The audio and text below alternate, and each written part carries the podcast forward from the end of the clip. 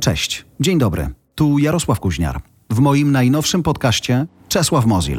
Czasami na swoich koncertach mówię, dzień dobry, szanowni państwo, Czesław Mozil, byłem bezrobotny 11 miesięcy. I ludzie tego nie rozumieją.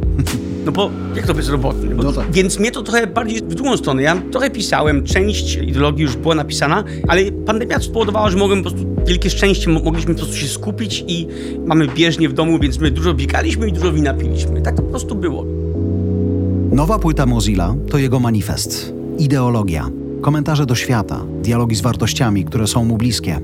Wspólnie z nim na płycie usłyszycie także Hanie Rani. Ech, jak subtelnie zagrała.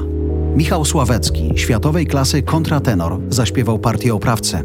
Stanisław Sojka w Pan tu nie stał, został przedstawicielem pokolenia, które nie chce zrozumieć młodszej generacji. Zaczynamy.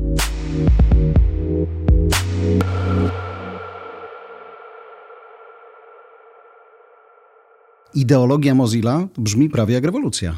No, taka moja własna wewnętrzna. Jestem po 40 i wiem, że już świata nie zmienię. Ale mogę zmieniać nie tylko swój, ale może niektórych, choć kilka osób będę przeszczęśliwy, czyli wchodzi jakaś forma pokory.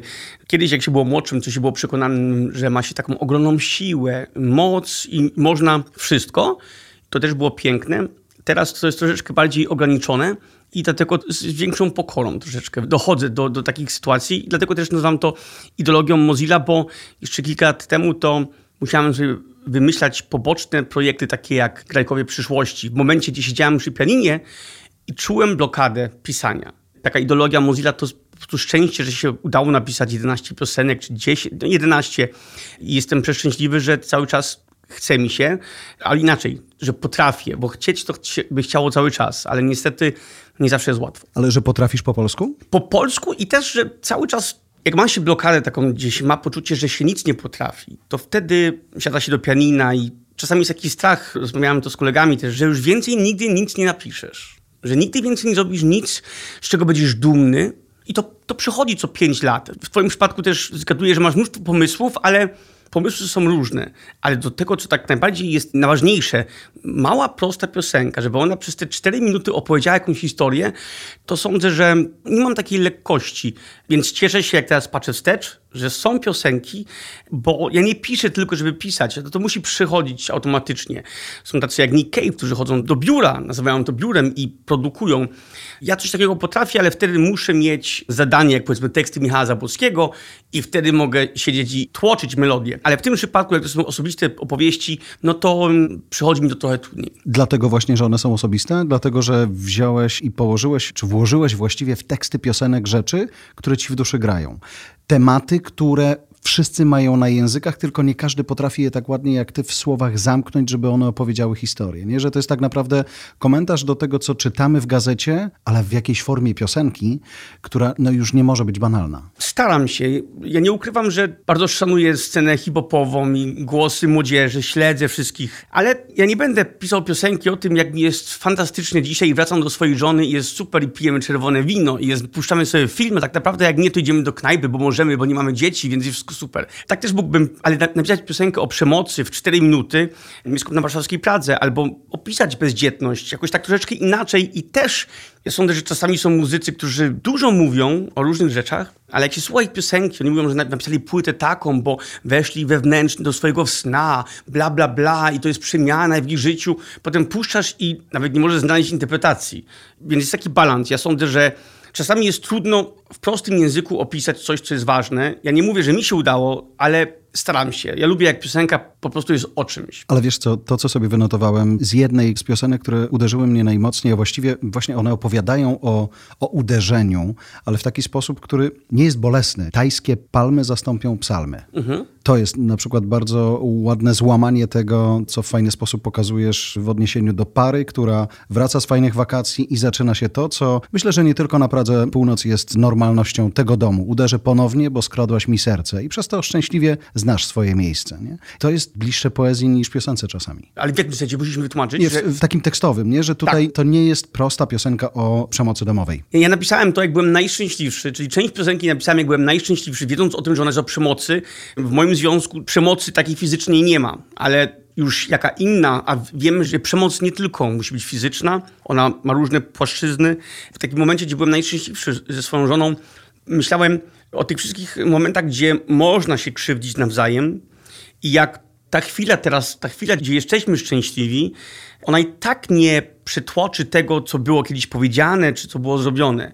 Znaczy, taka jest prawda. My staramy się zrozumieć ten mechanizm, gdzie czasami jak wydarza się coś niefajnego w związku, czyli krzywdzimy, to wtedy wchodzi ten taki mechanizm obrończy, prawda? Ja skrzywdziłem, ale tak naprawdę... Przecież... Szukamy usprawiedliwienia. Tak, szukamy usprawiedliwienia. Ja skrzywdziłem, ale... I to nie to, że się wybielam, ale przecież ja tak bardzo kocham, więc to nie jest logiczne, więc... Albo ja skrzywdziłem, ale dlatego, że ona wcześniej zrobiła coś podobnego, więc teoretycznie miałem umownie prawo. Nie? Tak, to zawsze nie jest racjonalne, ale szukamy, bo przecież nie chcemy też o swoich słabościach, bo czasami robimy rzeczy, których nie kontrolujemy.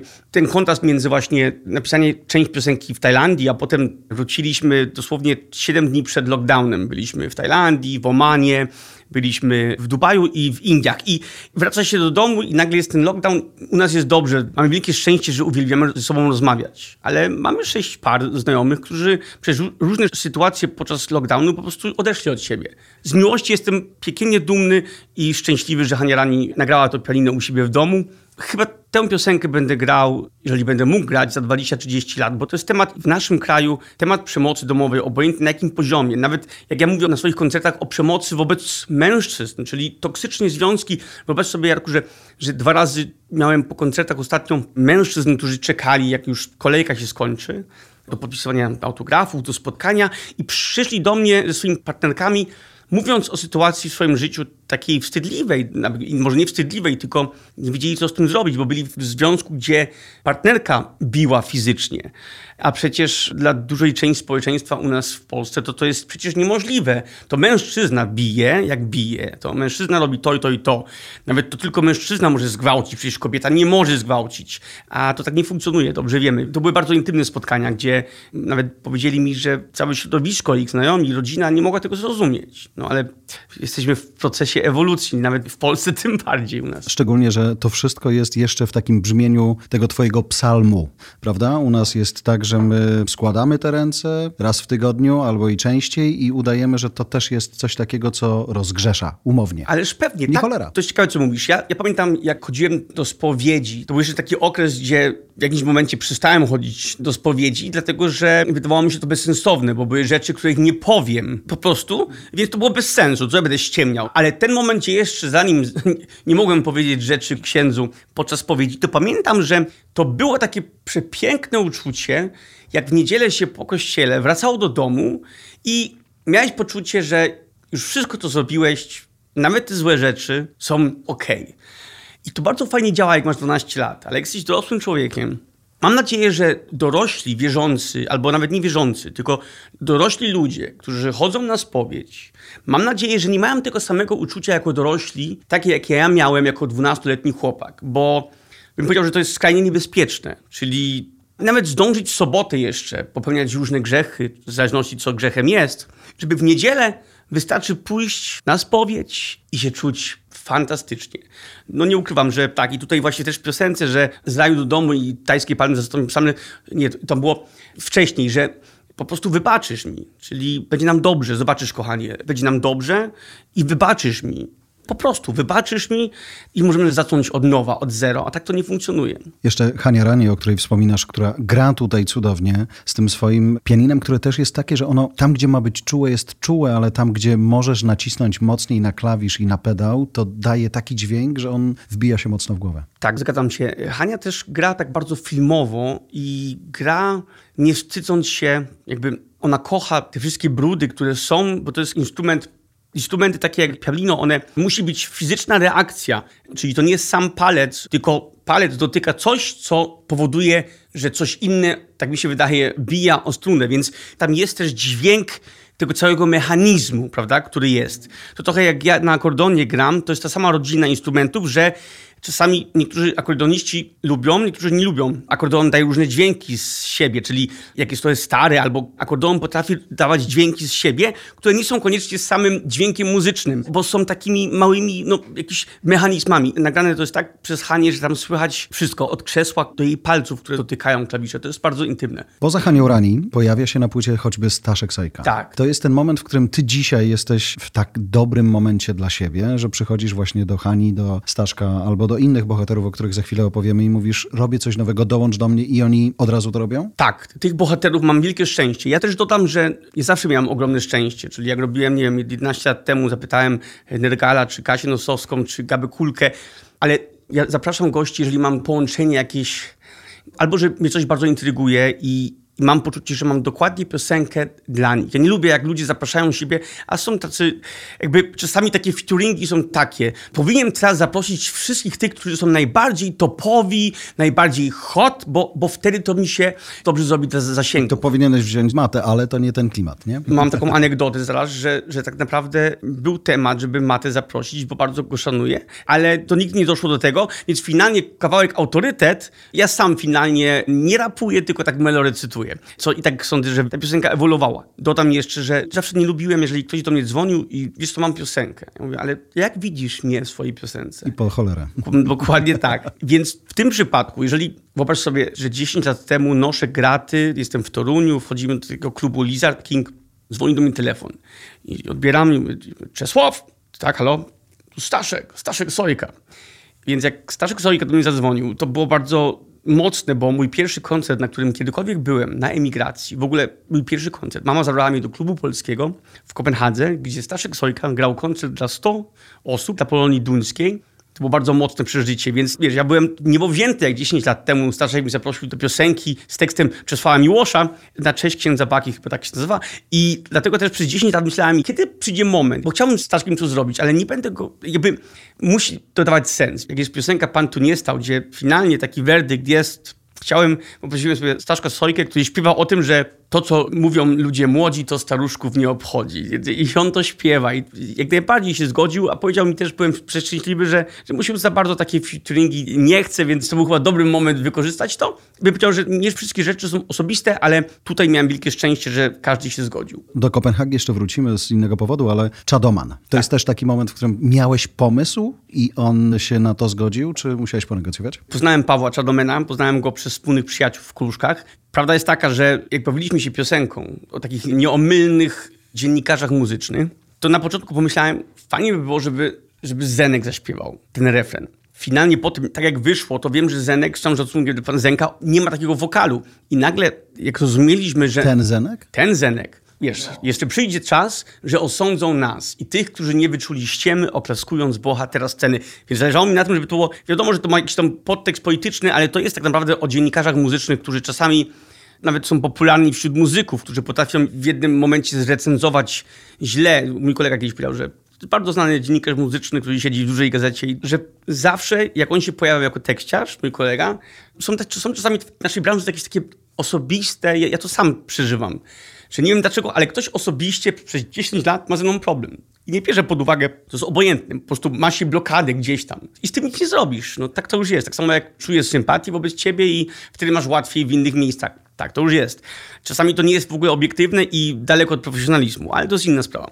Więc jeden dziennikarz, który zawsze, powiedział mi kolega, zawsze źle pisał, komentował moje teksty, że złe, złe, złe. Ale jak kiedyś mówi, że napisał jako ghostwriter wszystkie teksty do takiej płyty jednego zespołu, no to wtedy ten sam dziennikarz muzyczny, nie wiedząc o tym, że to jest on, zachwalał specjalnie teksty tej płyty. Ale to wiadomo, wszyscy możemy, tak to już jest. Też bym powiedział, że zawód, to jest tak łatwiej być muzykiem, bo naprawdę być w ogóle dziennikarzem muzycznym, w ogóle recenzentem, to nie może być łatwe. I, ale tylko chciałem powiedzieć, że... Nie ma Zenka, jest Czadoman. Jest Czadoman, dlatego znamy się osobiście, a Czadoman znowu, mało kto o tym wie. Czadoman, Paweł Dudek ma tak niesamowity wokal rockowy, to słychać tutaj, on po prostu, on jest rockmanem. On sobie wymyślił Chadomana też, z którym ma ogromne powodzenie. Jestem przeszczęśliwy, sam to nagrał u siebie w studiu w Świebodzinie i po prostu śpiewa niesamowicie.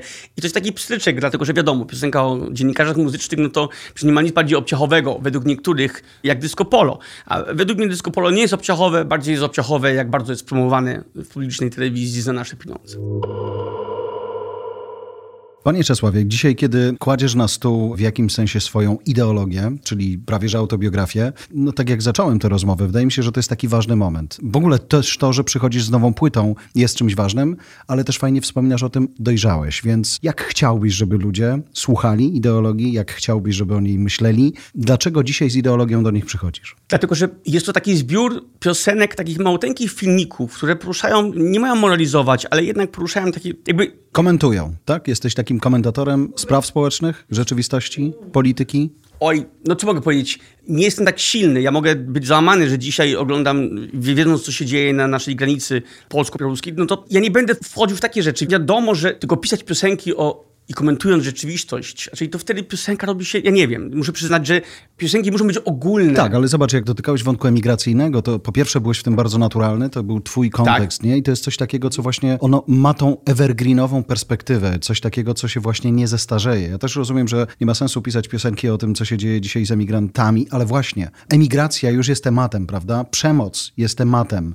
ból jest już tematem idealnym na piosenkę, który będzie trwał niestety nieskończenie długo. Tu się zgadzam. Ja myślę, że że niech będzie więcej piosenek o przemocy, niech piosenki docierają i coś, i coś po prostu robią. Ja mam taki zbiór tych piosenek, gdzie ja to robiłem wcześniej, ale teraz w trochę bardziej prostszy sposób mówię o głodzie, czyli o wszystkich moich słabościach jako człowiek. Mówię o młynarzu miel, czyli o tym, jak dopiero jak zamieszkałem u nas w Polsce, odkryłem, że, że są nawet lepsze rzeczy niż alkohol, bym powiedział, bo, bo sądzę, że alkohol specjalnie mocny alkohol jest niesamowicie, jest tak naturalną rzeczą w naszym kraju, jak mówię cały czas, mieszkam na warszawskiej Pradze. Jeżeli coś otworzyć, to sklep 24 godziny z alkoholem. Żadne sklepy, które są tam otwierane, które są całodobowe, monopolowe, nie plajtują. Ja lubię w taki troszeczkę nieoczywisty sposób, a czasami bardziej oczywisty, opowiedzieć rzeczy, które są uniwersalne i będę to robił cały czas. Znaczy, tylko zrobić, nie wiem, sześć piosenek pod rząd, które komentują sytuację polityczną, no to znaczy ja, ja sądzę, że tak, są niektórzy bohaterowie, jak, jak ostatni pan z krakowskiej galerii, którzy zasługują na...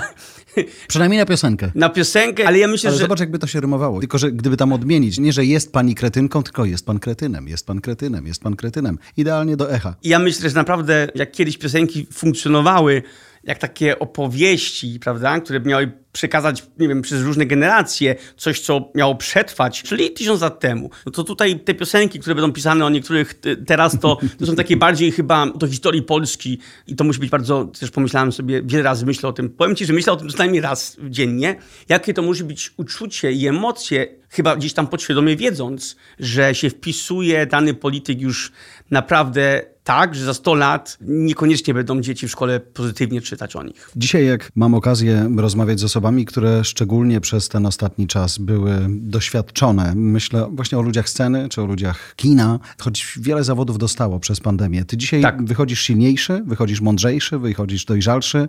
To, że byłeś w zamknięciu, to, że nie mogłeś koncertować, pozwoliło ci napisać coś lepiej, mądrzej? Jak to czujesz? Ja przez to, że przed pandemią, to ja lubię, jak się dużo rzeczy dzieje czym więcej mam zadań do zrobienia, tym mocniejszą trzymam dyscyplinę, tym większy mam popęd. Więc pandemia wbrew pozorom spowodowała takie na początku szok, potem strach, dlatego że ten sam dzień, gdzie moi koledzy z Danii, na których byłem na Zoomie, siedzieli, świętowali nawet, siedzieli w domu i mieli 80% swojej wypłaty na kontach i nie czuli wcale tej takiej niepewności, która dotknęła moją branżę, ale jak mówię sam, nie tylko branżę rozrywkową, artystyczną, na różnym poziomie. Czasami na swoich koncertach mówię, dzień dobry, szanowni państwo, nazywam się Czesław Mozyl, byłem bezrobotny 11 miesięcy. I ludzie tego nie rozumieją.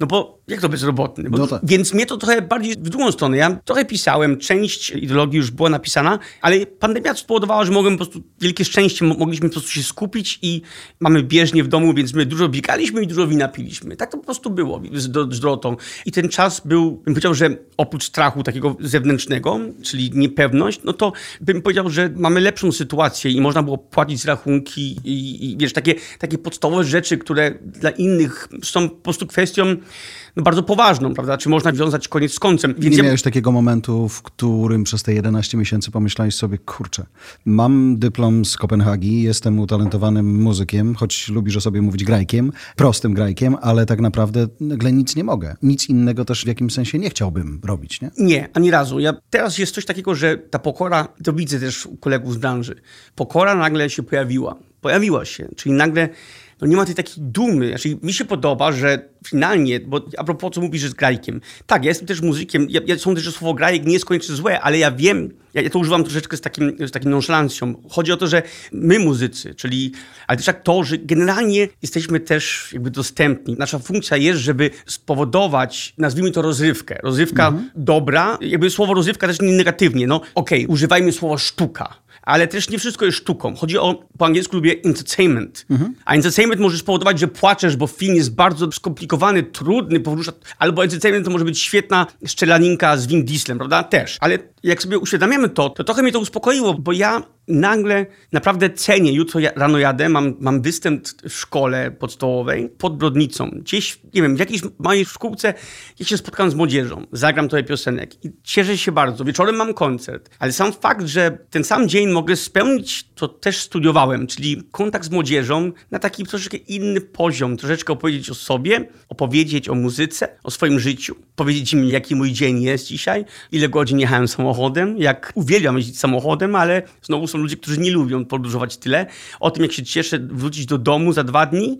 I ta pokora nagle wchodzi, Jarku, w tym sensie, że Dajma spodobała, że, że już chcesz po prostu funkcjonować konkretnie. Jakby, powiedzieć tak, klamra się zamknęła. Ten zawód, który ja mam, on na pewno w jakimś momencie zapomniałem o tym, kim ja naprawdę jestem. Myślałem, że jestem nie wiadomo co, a tak naprawdę, to sprowadźmy to na ziemię, jestem muzykiem, który śpiewa piosenki. Jest niezmiernie szczęśliwy, jak ktoś przychodzi na koncert. I może w ogóle zaprosić ludzi na koncert, nie? I może zaprosić. O tym myślę, ale też słyszę różne historie całej tej zgrai cudownych ludzi, bez których właściwie ty nie byłbyś słyszany albo widziany, która musiała się przebranżowić, która musiała tak. zupełnie poszukać dla siebie nowego miejsca. Nie wszyscy wrócili, bo wciąż to nie jest takie stuprocentowo pewne, że to się znów jakoś nie zatrzyma, ale to był strasznie poobijany czas. Nie? Jak najbardziej. A mam znajomych, no jak mówię, no, mam znajomych, którzy też nie wrócili nigdy do swoich zawodów, ale też mam przyjaciół, którzy nagle musieli szukać pomocy lekarskiej. Taki, my jesteśmy bardzo dumni, więc nie wszyscy wylewają wszystko na stół. Więc jak dzwoniłeś, czasami się pytałeś, jak idzie, no idzie ok.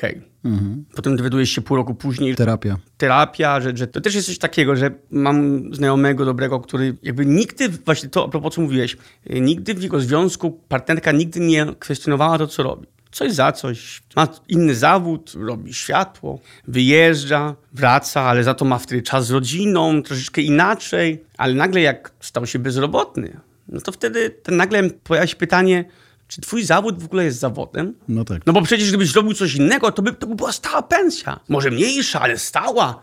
I nagle to jest niesamowite, że nawet, czyli to, co rodzice kiedyś mówili i myślałeś, o, znajdź sobie, musisz mieć prawdziwy zawód, ale to potrafi się pojawić nawet po 40 u niektórych, czyli kwestionowanie wszystkiego. Więc ja mam wielkie szczęście, że, że w moim przypadku to wiemy dokładnie, co robimy z żoną, ale tak, to, to było bolesne słyszeć, jak czasami koledzy skarżyli się. Bo to jest ten rodzaj zawodu, gdzie tak naprawdę tu nie ma matematyki, nie? 2 plus 2, 4, nie jasne. Ma... Zbudowałem most, most stoi, znaczy, że zrobiłeś swoją robotę dobrze. Prawa fizyki działają, działają. Wychodzisz na scenę, grasz. Tak. Jedni biją brawo, drudzy nie biją brawa za tydzień, to się może zmienić, Dokładnie. ale nagle nie wychodzisz. Tak. Nagle się okazuje, że ludzie wciąż żyją, mimo że do nich nie wyszedłeś. Ależ pewnie okazuje że nie jesteś taki potrzebny. I jeszcze to było tak śmieszne, że jak moi koledzy dostali to 80% wypłaty w Danii, no to ja dopiero dwa miesiące później słyszałem w telewizji o jakichś paczkach pomoczniczych. Nie mówię teraz o branży rozrywkowej, bo ona w ogóle całkowicie była olana, ale w niektórych przypadkach też mówiłem, że jakby te projekty, paczki pomocnicze co do naszej branży były też bardzo abstrakcyjne. Miały pójść i pomóc, ale w dużo przypadkach nie poszły tam, gdzie, gdzie mieli pomóc do tych, które to tak naprawdę było skierowane. Ale uświadamiam sobie, że nie jesteś taki potrzebny. Wszyscy oglądają Netflixa. No ale wiesz, było też dużo takich sytuacji, sam je obserwowałem z podziwem, kiedy, nie wiem, Chrisowi Martinowi ktoś stawiał telefon i mówi, Chris, twoi słuchacze są dzisiaj tutaj, na Instagramie, zrób dla nich live'a, więc on siadał do tego swojego pianinka i grał coś tam. Wiadomo, że to był moment, kiedy tak naprawdę nie wiedzieliśmy, co za chwilę. Dzisiaj wiemy, że możesz wyjść do ludzi. Czy wychodząc do nich, widzisz tęsknotę? Takie stęsknienie za? Ale już pewnie, tak, tak. Widzę specjalnie tam pół roku temu, czy tam to było czerwiec, lipiec rok temu. Dobrze mówię? Jesteśmy teraz 2-1. I tak, jak, jak, najbardziej. I też ja robiłem sześć takich live'ów, koncertów. Miałem kolegę, który się wyspecjalizował. Po moich live'ach to on dostał po prostu, on mówił, że to był najlepszy rok w jego życiu. Zrobiliśmy takie live, on, Krzysiu Kutelski, postawił cztery kamery. My robiliśmy coś takiego, że ja goto- robiłem filmiki, gotowałem, master Szesław, wiesz, gotowałem, gadałem, dwugodzinne spotkania i to było też cudowne, bo ludzie jak już musieli siedzieć w domu, to to był taki rytuał. Co sobotni wieczór po prostu grałem dla, rozmawiałem, komunikowałem się i miałem kolegów z branży, którzy mówili, dlaczego robisz to za darmo? Ja mówię, nawet nie myślałem o tym, żeby brać pieniądze. W momencie, gdzie my tyle dostawaliśmy od ludzi, a teraz ta niepewność nie tylko jest u nas, ale też to była wielka frajda. Wyszło z tego coś fajnego, te koncerty i taka rozmowa z kolegą pocztówki z pandemii.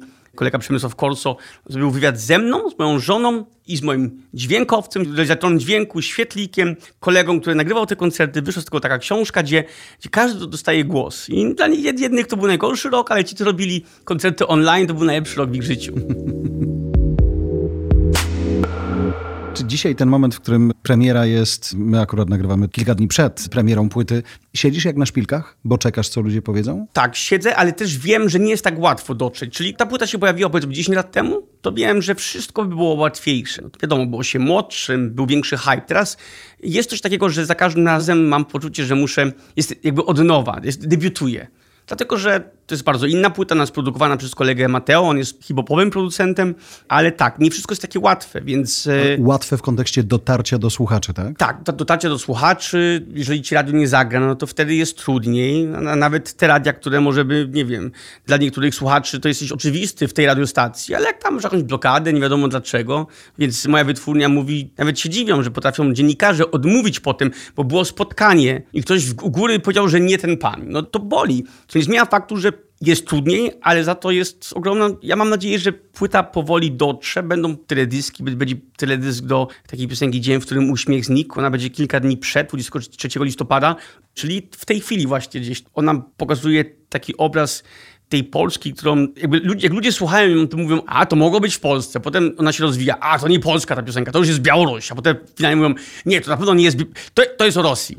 Ale tak naprawdę jest to wszystko tak bliskie. Zapominamy o tym, jak blisko jesteśmy i jakie niesamowite, dziwne, straszne rzeczy u nas się dzieją, które byśmy się nie spodziewali, że się działy 5 lat temu. To się po prostu powoli przekracza. Więc dzień, w którym uśmiech znikł będzie, będzie teledysk. Tak, i się cieszę, dodam Jarku. Cieszę się bardzo, ale też z wielką pokorą też wydaję płytę i od razu planuję grajków w przyszłości na jesień 2.2, bo jedyne, co mogę być pewnym, to jest to, że mam ochotę pracować i tworzyć płyty. A czasami jest tak, że to, co bardzo byłeś przekonany, że trafi szerzej, niekoniecznie to robi. A, czas, a no czasami... kładziesz na stół ideologię Mozilla, czyli to jest trochę tak, że ludzie szanując ciebie, rozumiejąc ciebie, lubiąc ciebie, to oni z tymi myślami będą, bo one są twoje, nie? I dwa, że jest to jednak płyta, która, jak rozumiem, ma też ludziom coś skomentować, czy coś powiedzieć, coś dopowiedzieć, albo pokazać szerszy kontekst. Wtedy raczej nie słuchasz jej w biegu. Na pewno. Każda piosenka jest bardzo osobista, więc może to być czumać, ale jest to takie skompresowane bardzo fajnie, wydaje mi się. Jestem przeszczęśliwy, że się pojawiła, no i idzie w świat. Choć też kładziesz na stół od razu 11 piosenek. To też nie jest takie oczywiste ostatnio, prawda? Dzisiaj to jest singiel, za chwilę kolejny singiel i kolejny singiel. W sumie nawet nikt nie mówi, że to jest płyta, choć ona się w sumie na tę płytę składa. Jest inny sposób właśnie wydawania muzyki w tej chwili. No i cóż, no może się muszę do tego dostosować. Ja, może właśnie to jest tędy droga. Może tak będzie. Nawet, że, że może będzie nawet tak że nawet branża tej muzyki alternatywnej, dziwnej, nazwijmy to poezji śpiewanej, ja, ja, może nie, nie wpisuję się w to teraz, ale, ale jednak może będzie tak, że finalnie też, też będziemy po prostu wydawać piosenkę tu, piosenkę tu. Czy moment, w którym płyta idzie w świat, ale za płytą zaczynają się koncerty, czekasz na nie? Czekam i one będą skromne. Mój zespół jest z Danii, nie wiem kiedy oni przyjadą, może jak zrobię trasę taką na wiosnę albo na jesień 2-2, ale póki co jestem przeszczęśliwy, że mam taki Volkswagen, mogę sobie nim jeździć, mam swoje graty, mam tu pianino takie, mam taką zabawkę, mam takie małoteńkie pianino różowe. I mogę to wszystko tak jakby, te, te godzinę 20 tych piosenek z moim, no jest to wielka frajda. I to nie jest jakiś show ogromny. To jest tak skromne, jak może być, ale to funkcjonuje przepięknie. Muzyka i ty. Muzyka i ja. Ludzie chcą posłuchać muzyki, czy pogadać z tobą? Znaczy ludzie lubią słuchać muzyki i lubią jak ja gadam ze sceny, a potem na pewno zawsze się znajdzie ktoś. Ja, ja mam coś takiego jak Sweet Foty za dwa złote cały czas, tak, nie? To tak, gadaliśmy, tak, tak, że... I to, to cały czas funkcjonuje, a dodam, że na wiosnę chciałbym, zostanę zaproszony od Janusza Owsiany do domu powstańców. Zawsze muzycy robią płyty inspirowane powstaniem, ale pan Janusz Owsiany miał taki pomysł, Czesław, a może gdyby nagrać ostatnich żyjących powstańców i żeby zaśpiewali te piosenki, które śpiewali te mniej niż 80 lat temu. Wyobraź sobie, Jarku, że nagraliśmy to, więc wiosną będą takie, to będzie taka mieszanka tych 8-9 piosenek. Nagraliśmy to dwa miesiące temu i już czwórka z nich nie ma z nami. Hmm. To idzie szybko, więc no tak w takim wieku są już, ale to jest mocne, jak śpiewają i mam nadzieję, że taka płyta wyjdzie. To będzie płyta, która będzie stricte charytatywna, poświęcona Domu Powstańców dla tych wszystkich ostatnich ku ich pamięci. Więc to, to robię w tej chwili też i to jest coś, co naprawdę jest mocne. Fajnie. Znaczy widać po tobie, choć nie widzieliśmy się długo od ostatniego spotkania, że żyjesz, ale w tym pozytywnym tego słowa znaczeniu, że masz ogromną energię, a jednocześnie kładziesz na stół płytę, mówię o niej po raz kolejny, dlatego że ja już ją przesłuchałem, słuchacze jeszcze tej szansy nie mieli, ale że po niej się milczy, krótko mówiąc. Nie, że to nie jest taka muzyka, którą sobie zapętlisz, żeby puścić dziecku w drodze do szkoły, tylko to jest taka płyta właściwie, której posłuchasz, kiedy ona wysiądzie w szkole, mhm. a ty pojedziesz dalej czy to z towarzystwem Hanirani, czy z Sojką, czy z Czadomanem. Że jakby tutaj musisz z tym chwilę pobyć, musisz z tym chwilę pomyśleć, podyskutować, ale widać w tobie dużo, dużo frajdy z tego i to jest ważne. To jest wielkie szczęście, że jednak nic się nie znudziło. Wiesz, to, wiesz, ten strach jest zawsze taki, czy będzie moment, w jakimś momencie, żeby nie będzie się chciało tworzyć, jak mówiłem wcześniej, czy wychodzić na scenę. A to się niezmiennie nie zmienia i to jest strasznie miłe. Fajnie powiedziałeś, że to jest trochę jak debiut, tylko mówiłeś to w innym kontekście. Ostatnio słuchałem takiego podcastu z skrajnie utalentowanym i znanym amerykańskim e, aktorem, którego też trójka hostów mówi, ale powiedz mi, co cię jeszcze nakręca, że tobie się chce, że ty mając tyle i tyle nagród, robiąc to i to i to, jeszcze się zgadzasz na wyjazd, na nie wiem, zdjęcia przez trzy tygodnie w Meksyku i siedzisz tam mając 60 parę lat. On mówi, ja się cały czas uczę. Jak przestałem coś robić przez chwilę, pomyślałem sobie, cholera, czuję się jak na emeryturze. Ja tak nie chcę, więc robię coś, żeby żyć, bo tak naprawdę to robienie, w twoim przypadku muzyki, w jego przypadku grania, to jest życie. Zgadzam się. Ja mam ojca, który jest pracocholikiem. On cały czas majstykuje przy domie. On sam podniósł dach domu. Ja nie wiem, sam to zrobił, przysięgam. To zajęło mu długo czasu. Ale rozumiem, że tam wchodzi... No coś wymyślił. Wiedząc, znając swojego ojca, to jest bardzo typowe, że on musi coś robić. Ja, największy strach jest taki, Jarku, że nagle coś spowoduje, że nie będę mógł się ruszać, że nie będę fizycznie mógł swojego zawodu wykonywać. Bo w momencie, gdzie nie będę mógł swojego zawodu wykonywać, tworzyć, jeździć, specjalnie nawet nie muszę jeździć, a wtedy bardzo nagrywać, no to, to może się skończyć bardzo, bardzo źle. No bo jeżeli w tym odnajdujesz życie, no to, no to zobaczymy. No ale, bo to już nie chodzi o to, czy ktoś cię ma słuchać. Kiedyś tworzyłem, nie wiedząc, czy mam słuchacza. To chodzi tylko o to, żeby robić. Czy to nawet będzie na małteńką skalę, nawet lokalnie, tak? No to, ale żeby po prostu to robić. Wracając do tworzenia, jak masz, no tu napisałeś 11 piosenek, utworów, to jest tak, że zdarzają ci się sytuacje, że masz coś za pierwszym razem? Czy to zawsze jest tak, że to jest proces, który się powtarza i powtarza i powtarza? Nie wiem, biorąc na przykład z miłości, w warstwie słownej, napisałeś słowa na raz, tworzyłeś je kilka tygodni, miesięcy, jak to działa? To leżało, ja miałem taki zbiór różnych tekstów, ale, ale melodię napisałem od razu. Czyli jak już znalazłem część tekstu, dopisałem, to to wtedy było wszystko bardzo jasne. Te najlepsze takie momenty twórce, ja nie pamiętam, to jest taki bardzo dziwny stan. I to jest stan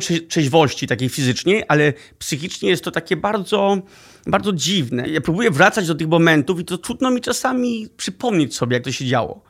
Naprawdę przysięgam, że... Może to jest ta wena, o której wszyscy mówią, że ona gdzieś istnieje, ale nie każdy jest w stanie ją złapać. Nie? Coś takiego. I ona nie zawsze jest, więc taki dzień, w którym uśmiech znikł, no to też było bardzo proste. I tam napisałem tekst też w jeden dzień, ale z innymi piosenkami bardzo walczyłem i też do niektórych piosenek Kasia Popowska mi pomogła. Jeden tekst Ziemia obiecana, to moja żona napisała. Więc też się cieszę, że, że nagle moja Dorota, która jest po psychologii, nagle okazuje się, że ma tekst i też trochę zaczęła pisać, ale sam fakt, że to siedzi przepięknie. I to, że można się złączyć, więc ja teraz cisnę Dorotę, żeby po prostu, słuchaj, jak będziesz miała wenę, to pisz coś, dobrze? Bo to niech to zostanie w rodzinie. Ja, ja ci dołożę muzykę do tego, tak, ale pisz. dokładnie tak. Ja, niech to zostanie w rodzinie. Ściskamy Dorotę i bardzo dziękuję Czesław za rozmowę. Ja też dziękuję bardzo, Jarku. Dziękuję. Dziękuję za Twoją uwagę. Jeżeli jeszcze nie subskrybujesz naszej audycji, zrób to na Apple Podcast czy Spotify. Nie przegapisz najnowszego odcinka i pomożesz mi wspinać się na listach podcastowych przebojów. Twoja opinia zostawiona na Apple Podcast pozwala usłyszeć tę audycję większej grupie ludzi. Podobnie ze Spotify. Odpowiedz na pytanie, które stawiam i zachęć do tego innych. Fajnie, kiedy polecisz tę audycję znajomym. Podaj im link. Niech dołączą. Zasubskrybuj także inne podcasty od Voice House. Znajdziesz je na każdej platformie podcastowej, w każdym kanale social mediowym. Zapraszam też na stronę Voice House po więcej dobrej treści.